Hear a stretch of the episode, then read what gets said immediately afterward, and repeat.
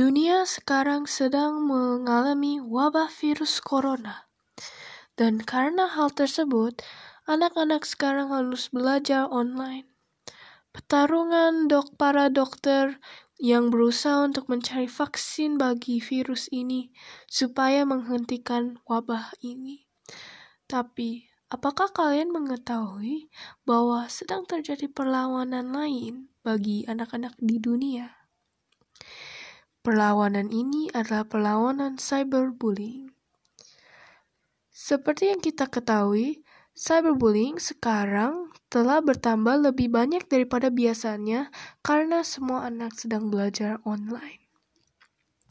Temanku juga tadi memberitahu saya bahwa dia terkena cyberbullying.